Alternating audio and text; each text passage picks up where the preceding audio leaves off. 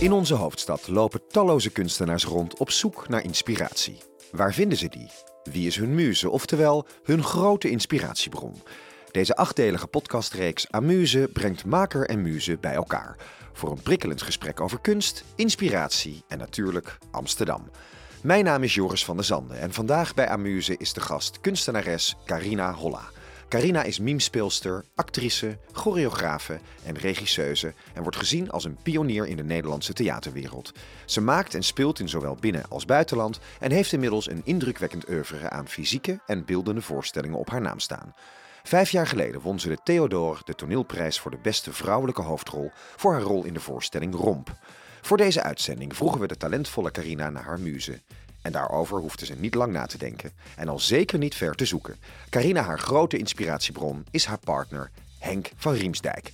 Zo vertelt ze dat deze man, met zijn liefdevolle, strenge blik, als geen ander Carina weet te inspireren bij het maken van haar voorstellingen. Ik ben zeer benieuwd naar hun verhaal en ben dan ook heel blij dat ze hier beide bij mij in de studio aanwezig zijn. Carina Holla en Henk van Riemsdijk. Hartelijk welkom Carina, fijn dat je er bent. Kun je je allereerst even kort voorstellen? Hallo, ik ben uh, Carina Holla, theatermaker. Uh, 50 stukken gemaakt. Uh, still going strong. Mijn laatste stuk heet De Dresser.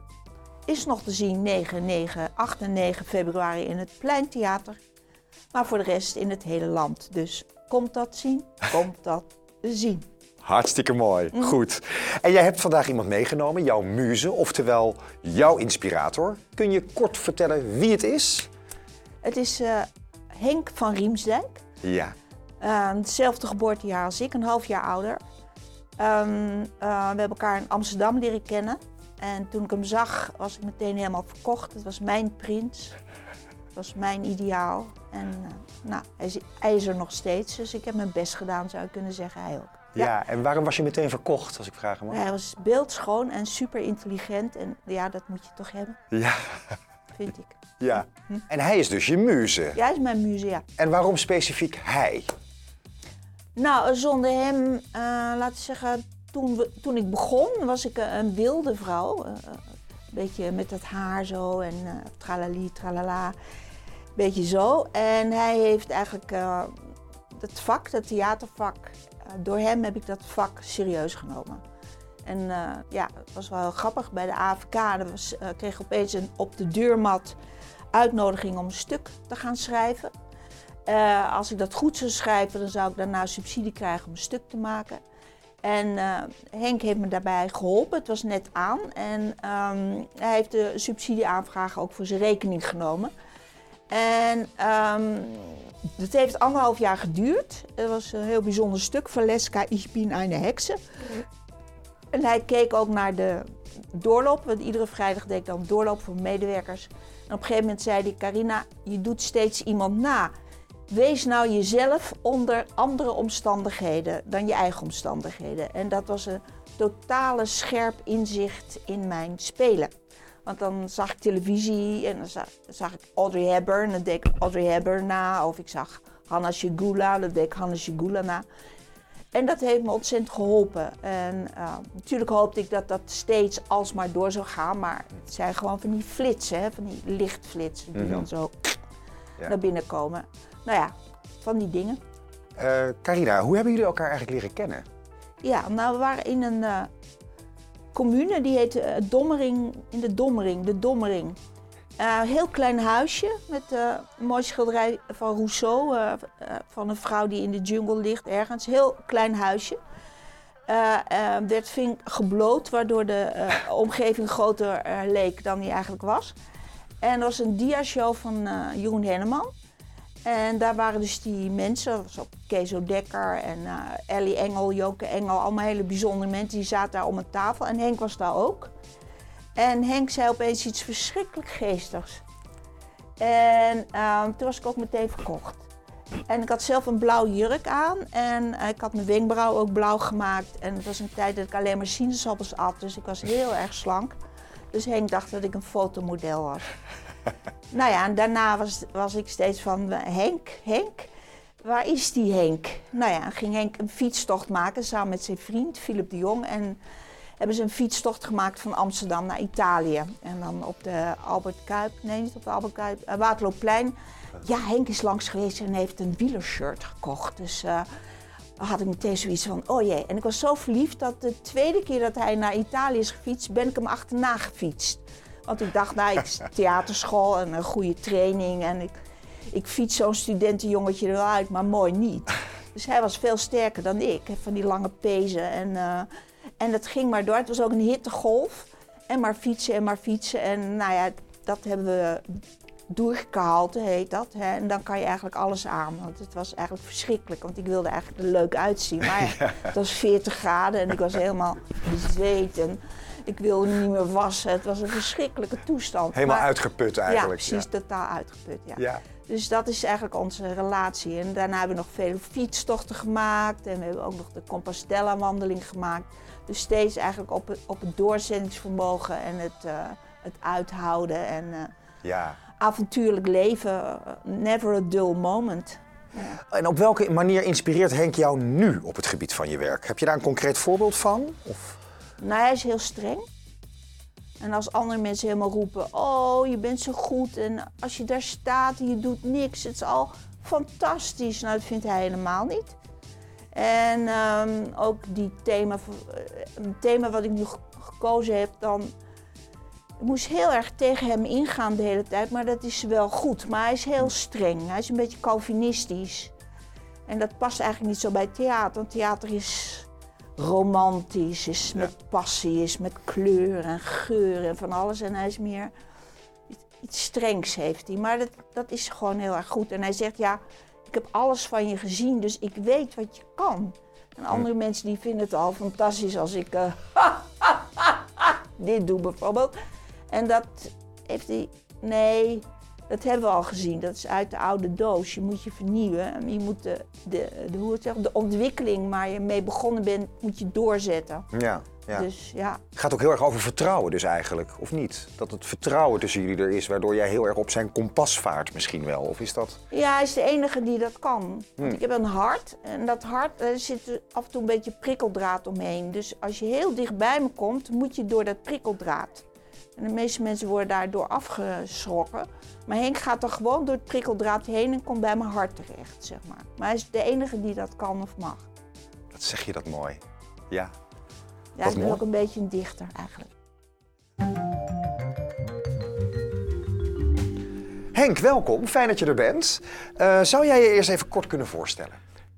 Ik ben Henk van Riemstijk en ik ben de partner van Carine Holla.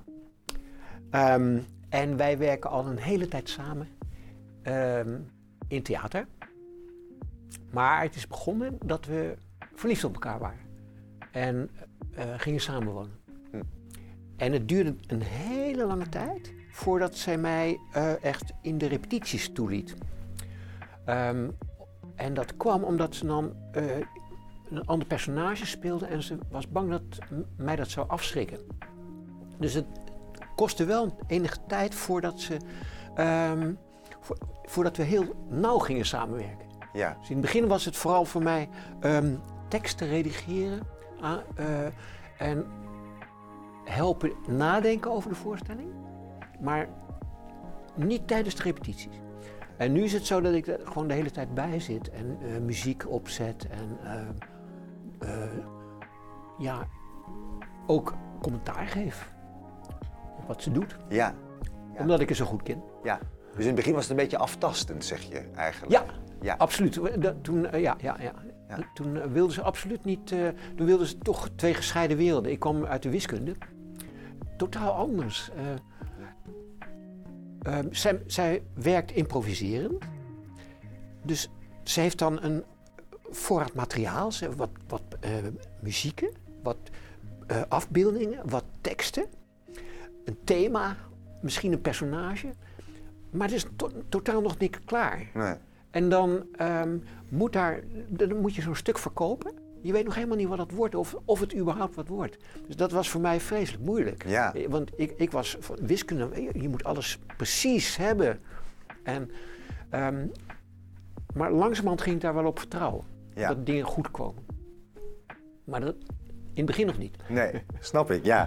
Hey, en jullie ontmoeting, de start van jullie liefdesverhaal, daar heeft Carina net wat over verteld en Ja. hoe jullie elkaar hebben leren kennen. Hoe heb jij dat eigenlijk ervaren, vroeg ik me af. Ehm, nou, ik was meteen eh, behoorlijk ondersteboven. maar ik was ook heel afstandelijk hoor. Dat, eh, eh, ik had, ehm, we, we zagen elkaar eens per week of eens in de twee weken. En dat kwam door mij. Ehm, ik was zo gewend om op mezelf te leven. En dat kost een hele tijd voordat ik durfde me echt aan iemand te binden. Ja. Dus dat, eh, maar maar dat, dat is toen op een gegeven moment zijn we gaan samenwonen. En sindsdien hebben we elkaar niet meer uit het oog verloren. Dus, Nee. En nu zitten we bijna 24 uur per, eh, per dag op elkaars lippen, omdat we de hele tijd samenwerken. Dat is vrij, eh, ja. Ja, wat mooi. Dat, je, hè, dat dat dan zo samenkomt eigenlijk. Ja, ja. En wat vind je er eigenlijk van, hè? deze podcast heet Amuse, gaat Ja. over eh, kunstenaars en hun muze. Nou. Carina heeft jou gekozen. Wat vind je daarvan, dat ze jou gekozen Nou, vind ik heeft? een hele eer. Maar ik moet wel zeggen dat eigenlijk haar grote inspiratie. Dat zijn eigenlijk altijd hele sterke vrouwenfiguren geweest. Dus dat is eigenlijk wat haar dan. eh, ze ziet iets. En daarvan denkt ze: daar moet ik iets mee doen. Daar ga ik iets over maken.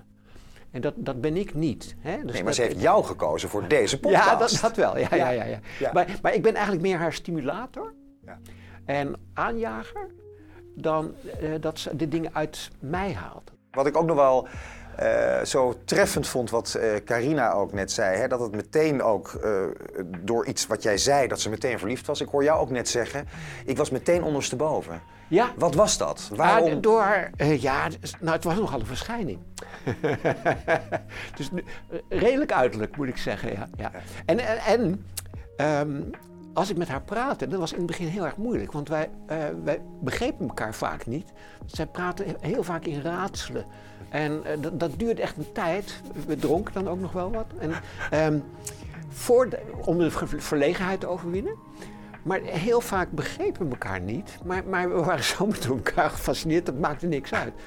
Dan ging je dansen in het okshoofd. eh, en de hele nacht door. Dat, dat was die tijd dat in Amsterdam ja, heel makkelijk was om goedkoop te leven en overal heen te gaan. Ja, de goede oude tijd eigenlijk, hè, zou je haast ja zeggen. sorry, nu. sorry hoor, maar dat is wel zo, ja.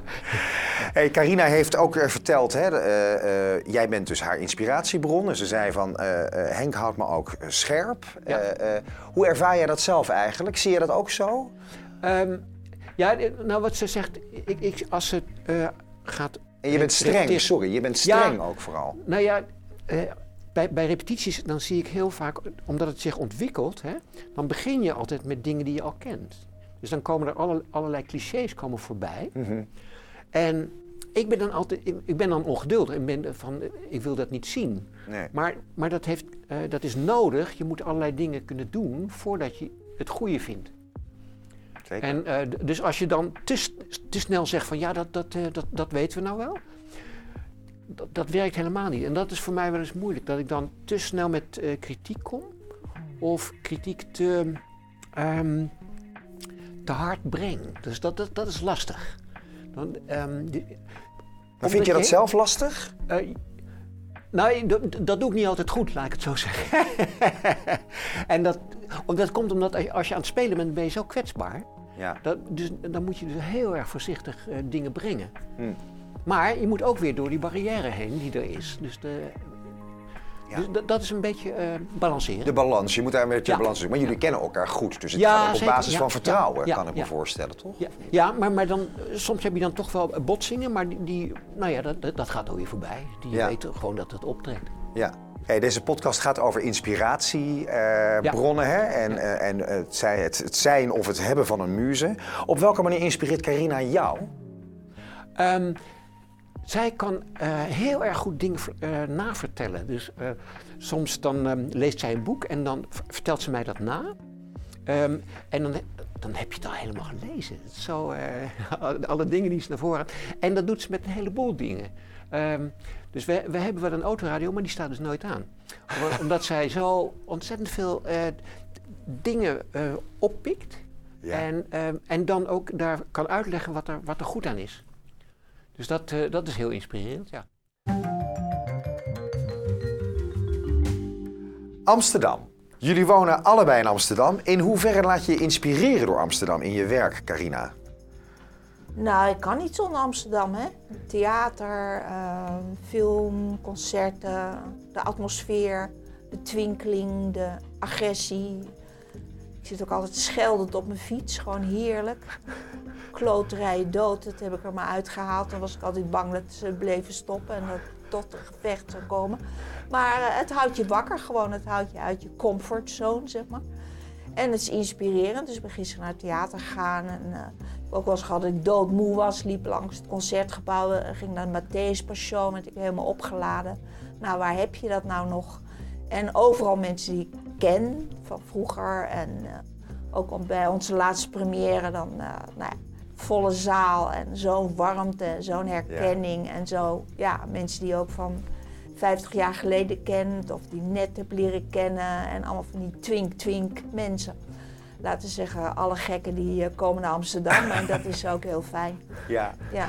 Wat fijn. En hoe is dat voor jou, Henk? Nou, het is meestelijk om altijd weer, ehm, als je van buiten de stad komt en je komt erin, dat is gewoon geweldig. Hoe ze thuiskomen. En het is natuurlijk zo fantastisch mooi. En zo ontzettend veel te doen. Hm. En ja, eigenlijk al mijn kennissen die wonen zo'n beetje in Amsterdam. Dus eh, ja, Ja. voedingsbodem. Voedingsbodem Ja. voor, voor het leven of voor... Voor het leven. De, ehm, nou, wat je nou zegt? Je, je, je hebt zoveel eh, theater, muziek, tentoonstellingen, eh, performances. Mhm. Dat, dat is geweldig. En natuurlijk ook het straatbeeld. De, de, de mensen die ehm, doen er wat aan. dat, eh, ja, dus, dus dat is dat prikkelt je. Ja. En dat mis je als je eh, echt buiten op je eentje woont. Dat- is een soort ideaal dat je dat zou kunnen, maar nee, eh, je moet toch echt Wat mis je dan precies? Eigenlijk De prikkels. De prikkels, ja. De energie ook. de energie, ja, ja, ja. Ja. ja, we vallen meteen in slaap. Er was een, een huisje buiten gehad, maar er waren zo weinig prikkels dat we meteen in lichtstoelen in slaap vielen. Dus Oh. eh, dat willen we niet. hè. Nee, nee, nee. nee. Jullie willen geprikkeld blijven. Ja, zeg maar. tuurlijk. Ja, Ja, ja, ja, ja, ja. mooi. Ja. Welke maatschappelijke thema's bindt jullie uit de stad? Eh, maatschappelijke thema's. Eh, nou, de verdraagzaamheid, de liefde en eh, eh, eigenlijk dat je je bezighoudt met schoonheid. Eh, en eh, dat je probeert om, het- om het mooier te maken. En eigenlijk zie je langzamerhand Amsterdam ook al als een soort moeder. Ontzettend eigenlijk lieve moeder. En ik vind dat daar eigenlijk veel te veel tegen aangetrapt wordt. En dat ze gewoon niet zo goed behandeld wordt. Dus dat gaat me aan mijn hart. Wat ik daar nou precies, ja, ik heb een heel mooi stuk gemaakt en daar moet iedereen naar komen kijken. Maar eh, dat is een beetje het maatschappelijk thema. Dat ik ook denk van mensen in plaats van te vechten gaan bos planten of eh, maak de stad mooier of eh, raap zwerfvuil op. Hmm. Dus zo. Ja. Gaan jullie gesprekken daar ook over? Over dit soort thema's in de stad? Nou, we proberen het zo leuk mogelijk te houden thuis. Dus eh, als ik weer begin over eh, nou ja, politieke toestand, want we hebben nu ook de krant weer, dan zegt Henk nou niet zeuren en niet klagen, doe maar niet even. Dus zo. Waarom zeg je dat, Henk? Omdat, nou, ik weet dat als Carina dan zich heel erg bezighoudt met eh alle enge dingen die ze in de krant leest, dat ze dan helemaal niet meer kan slapen. Dus eh, dan, ik- dan zeg ik echt van, nou, zou je dat nu wel gaan lezen? En dan doe dat dan morgen. Ja. Ehm, want het grijpt je heel erg aan. Ja, alle eh, politieke toestanden natuurlijk op het ogenblik. Met Ja. oorlog. En, eh, Ja. En als jullie gesprekken met elkaar hebben hè, over Amsterdam, Ja. waar gaat het dan specifiek over? Gaat het dan ook weer over die voedingsbodem waar je net over hebt? Of zijn dat. Over, nou ja, over theater en over ehm, de, wa- wat er allemaal gemaakt is en kan worden. Ehm, de mogelijkheden. ehm, ja, de, de, het belang van theater. Ehm, hoe je dat. Ja, hoe, het is zo moeilijk om, eh, om een nieuw publiek te trekken. Ehm, je, je hebt mensen die altijd al komen, maar om echt nieuw publiek te trekken is heel erg lastig. Ook in Amsterdam bedoel je? Ja, ook in Amsterdam. Wel, ja, ja. Daar is heel veel lawaai, er gebeurt heel veel. Ja. Dus, om nou, dus wij eh, werken ook in Stockholm, dat is ook weer via Amsterdam gekomen. En daar is het veel stiller, dus dan gebeuren, theater wat wij maken is daar niet. En mensen vinden het heerlijk als we er zijn en die genieten ons. Die zouden ons bij wijze van spreken het levend willen opeten, bij wijze van spreken. Terwijl in Amsterdam is er al heel veel. Maar het is ons wel gelukt om er bovenuit te komen. Of in ieder geval, jongens, daar zijn we, op de trommel slaan en kom op. En eh is misschien de laatste kans, eens en nooit weer. Misschien, kom, kom, kom. En dat heeft gewerkt. Ja. Maar je moet wel heel erg hard op die trommel slaan. En dat lukt wel, maar het is ook wel dat je denkt, hoe pakken we het nou nog beter aan? Op televisie komen natuurlijk, maar ja, dat zijn ook allemaal van die muren waar je heel moeilijk doorheen komt. Mhm. Maar zeg je dan eigenlijk dat het te veel is eigenlijk, eh, als het gaat over uitingen, dat mensen, want, hè, eh, wat men- waar men uit kan kiezen eigenlijk? Het- Nou, te veel is er nooit natuurlijk. Nee. Nee, want dan, er moet heel veel zijn. Ja. Maar, maar het heeft wel een nadeel dat je elkaar in de weg zit een beetje. Ja. Nou, er is gewoon in de pers gewoon te weinig Ja. ruimte, Ja. te weinig aandacht. We hebben nou heel goed iemand, daardoor kwam ik in de NRC, een heel mooi interview in de NRC. Mhm.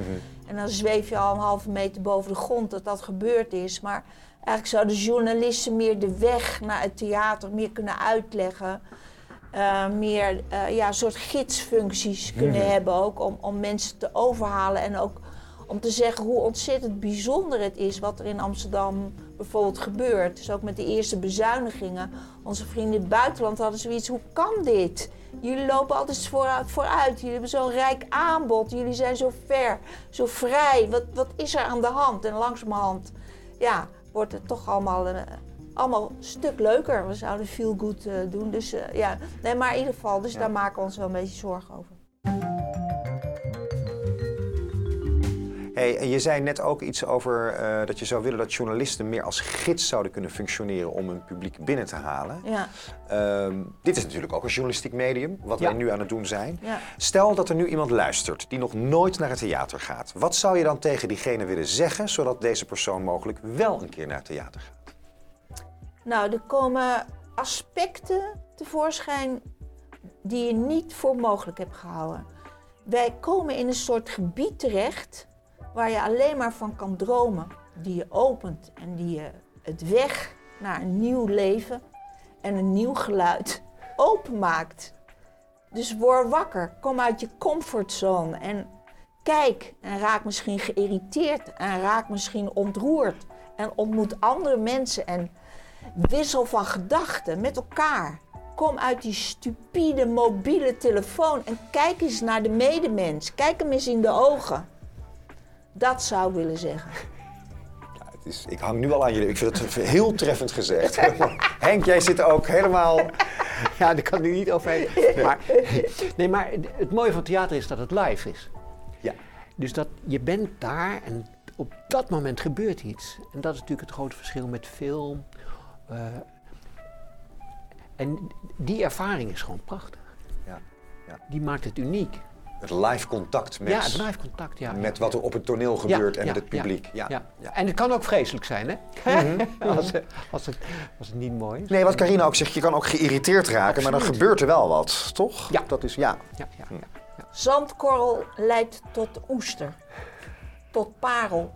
Zandkorrel in oester leidt tot parel. We zijn bijna aan het einde van de podcast. Willen jullie tot slot nog iets tegen elkaar zeggen? Henk, wil je nog wat tegen Carina zeggen? En andersom natuurlijk. Nou, ik hoop dat je doorgaat en eh, een goede productie maakt weer. Dus, En, en dat we in het buitenland kunnen spelen. Dat, eh, en eh, les kunnen geven nog. Ja. Eh, daar hoop ik op. En hoe is dat voor jou, Carina? Ah, nou ja, ik hoop omdat het hele zware last wel op jouw schouders is. Dat je 's ochtends van 7 uur s ochtends tot 7 uur s ochtends aan één stuk door bezig bent. Wat vrij zwaar is. Dus ik hoop dat die zwaarte, die druk. Je bent ook duizend, driemaal duizend kilometer naar het noorden van Zweden gereden in een Volvo. Met het decor achterin. En een, eh, een ijslaag waar je dan een gaatje in moest blazen en daar doorheen moest kijken.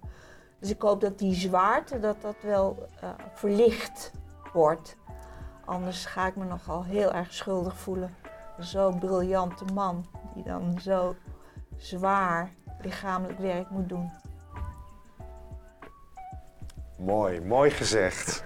Ik wil jullie hartelijk danken Ja. voor, eh, voor deelname aan deze podcast. Maar voordat we echt afscheid gaan nemen, Carina, jij had nog een mooi Oh, die- citaat ja, die meegenomen die je wilde voorlezen.